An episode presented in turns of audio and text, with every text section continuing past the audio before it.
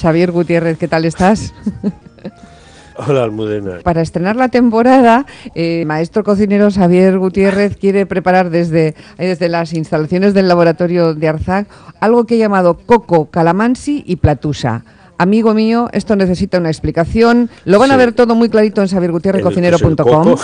Coco, el coco mm, normal. Sí, vale.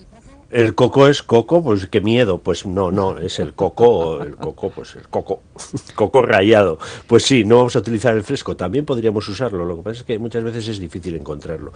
Pero aquí hemos hecho una cocina que llamo yo eh, de simplicidad, pero que a la vez es que a la vez es compleja, ¿no? Yo he tenido la suerte de encontrar todo lo demás lo he encontrado en los sitios habituales, pero he tenido la suerte de encontrar aparte de la platucha que, que es que me la ha servido los, los hermanos Sorondo, que son los pescateros de debajo de mi casa, que son, que son una gloria. Eh, el coco, que lógicamente lo he encontrado en cualquier lado, en cualquier. Y después el calamansi, que no es más que un cítrico. Es un cítrico pequeñito, del tamaño de una aceituna, muy aromático, y es un medio camino, de hecho es un híbrido entre una mandarina y eh, un, em, un o sea, que son las naranjas estas chinas. Esto es un cítrico, es un cítrico muy bonito, muy aromático y que si tienes la posibilidad de encontrarlo, yo lo he encontrado en, en Gross, en mi, al lado de mi casa. Entonces yo todo lo que encuentro en Gross sin meterme en sitios así extraños, lo enseño porque no he tenido que llamar a ningún proveedor especial para que me lo traiga. Esto ya sabes que lo hemos hecho siempre. Es decir, lo que yo encuentro por mi barrio, lo uso. Y, así ha sido. Esta vez, bueno, pues hemos tenido la suerte del, del calamansi y hemos utilizado, podemos utilizar cualquier otra lima o cualquier otro limón, porque, insisto, es un plato muy, muy, muy, muy sencillo. No necesitamos más que la platucha, muy bien. un poco de nata, un poco de coco rallado, alrededor de unos 30 gramos, otro, otro tanto de, de aceite de oliva virgen extra, y los calamansis, por supuesto, como siempre, sal y pimienta para hacer el pescado. Muy bien. Porque una vez que hemos hecho el, que hemos comprado el, la platucha, la platucha es una, un pescado que ya hemos hecho alguna vez. Eh, a mí me gusta mucho, es de la familia esta de, de los peces planos, etcétera, ¿no? Y lo que hay que hacer es bueno pues pedirle al pescatero que te lo que te lo corte que te lo filete. En esta, esta vez no lo vamos a hacer al horno como alguna vez le hemos hecho sino simplemente fileteado así en plan en plan elegante. Si no lo haces tú en casa no es difícil. Los pescados planos para filetear son los más fáciles.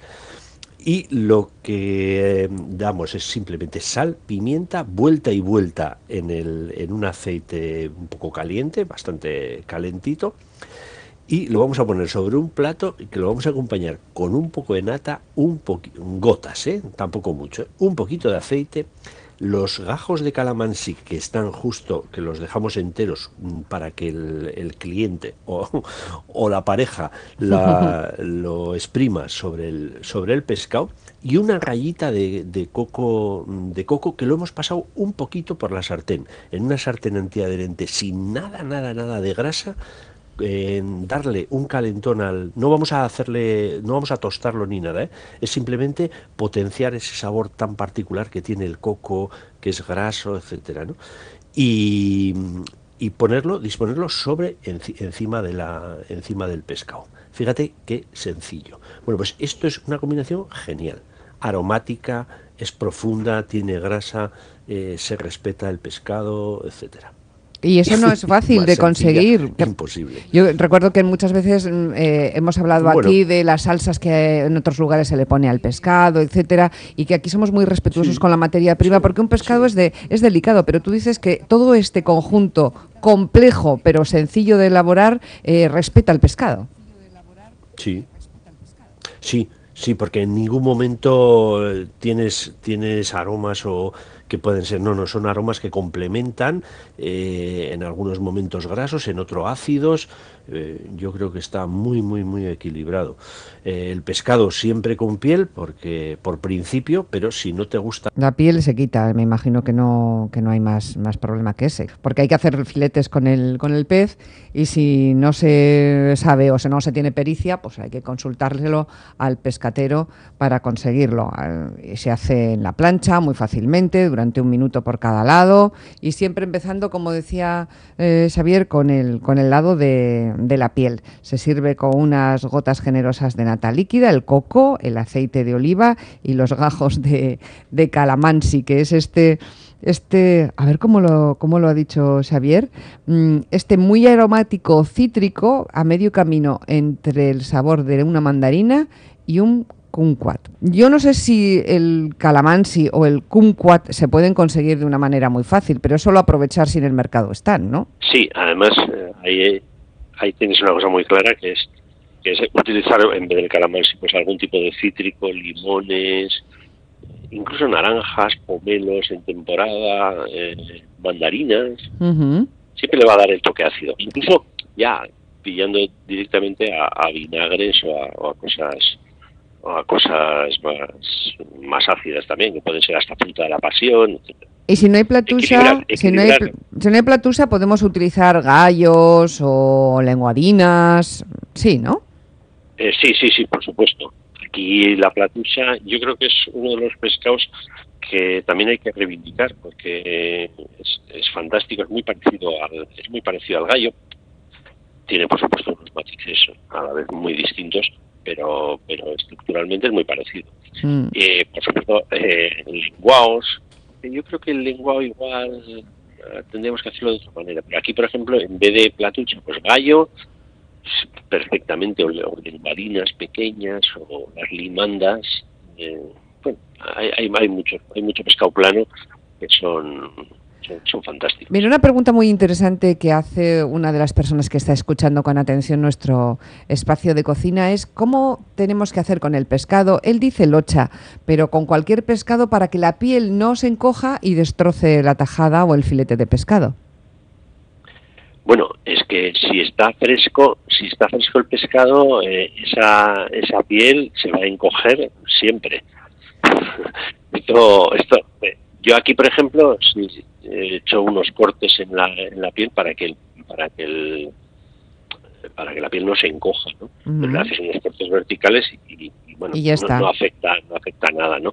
Pero eh, la única manera de que no se encoja es hacerlo en entero. En entero generalmente no se encoge esa piel pero en cuanto fileteas, esto se empieza a enojar y insisto que si es fresco todavía más. Así que hay que hacer unos cortes en la piel para que eh, permanezca en su sitio y no encoja demasiado y destroce la carne la carne tan delicada muchas veces de, del sí, pescado. queda muy bonito. Tú, por ejemplo, haces una, una, una rodaja de, de lubina, ¿no? un lomo de lubina y se arquea, se queda, bonito, a mí no me, a mí no me disgusta. Mm.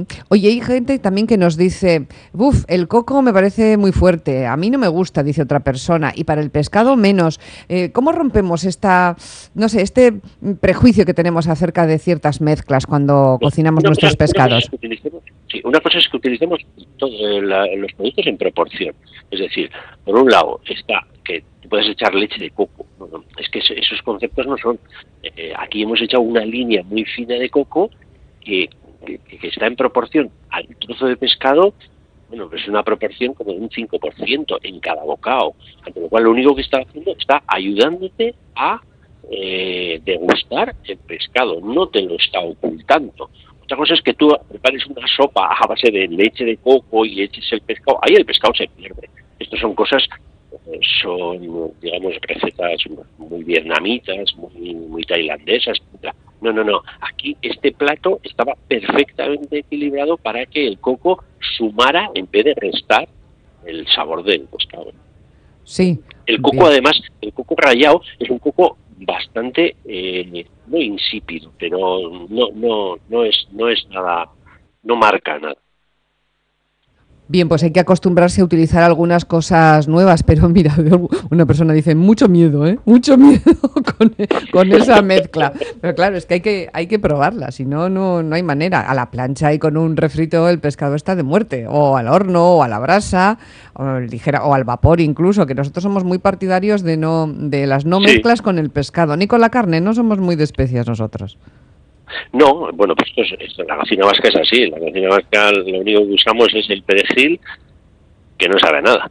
Es a poca cosa da color, pero saber, saber...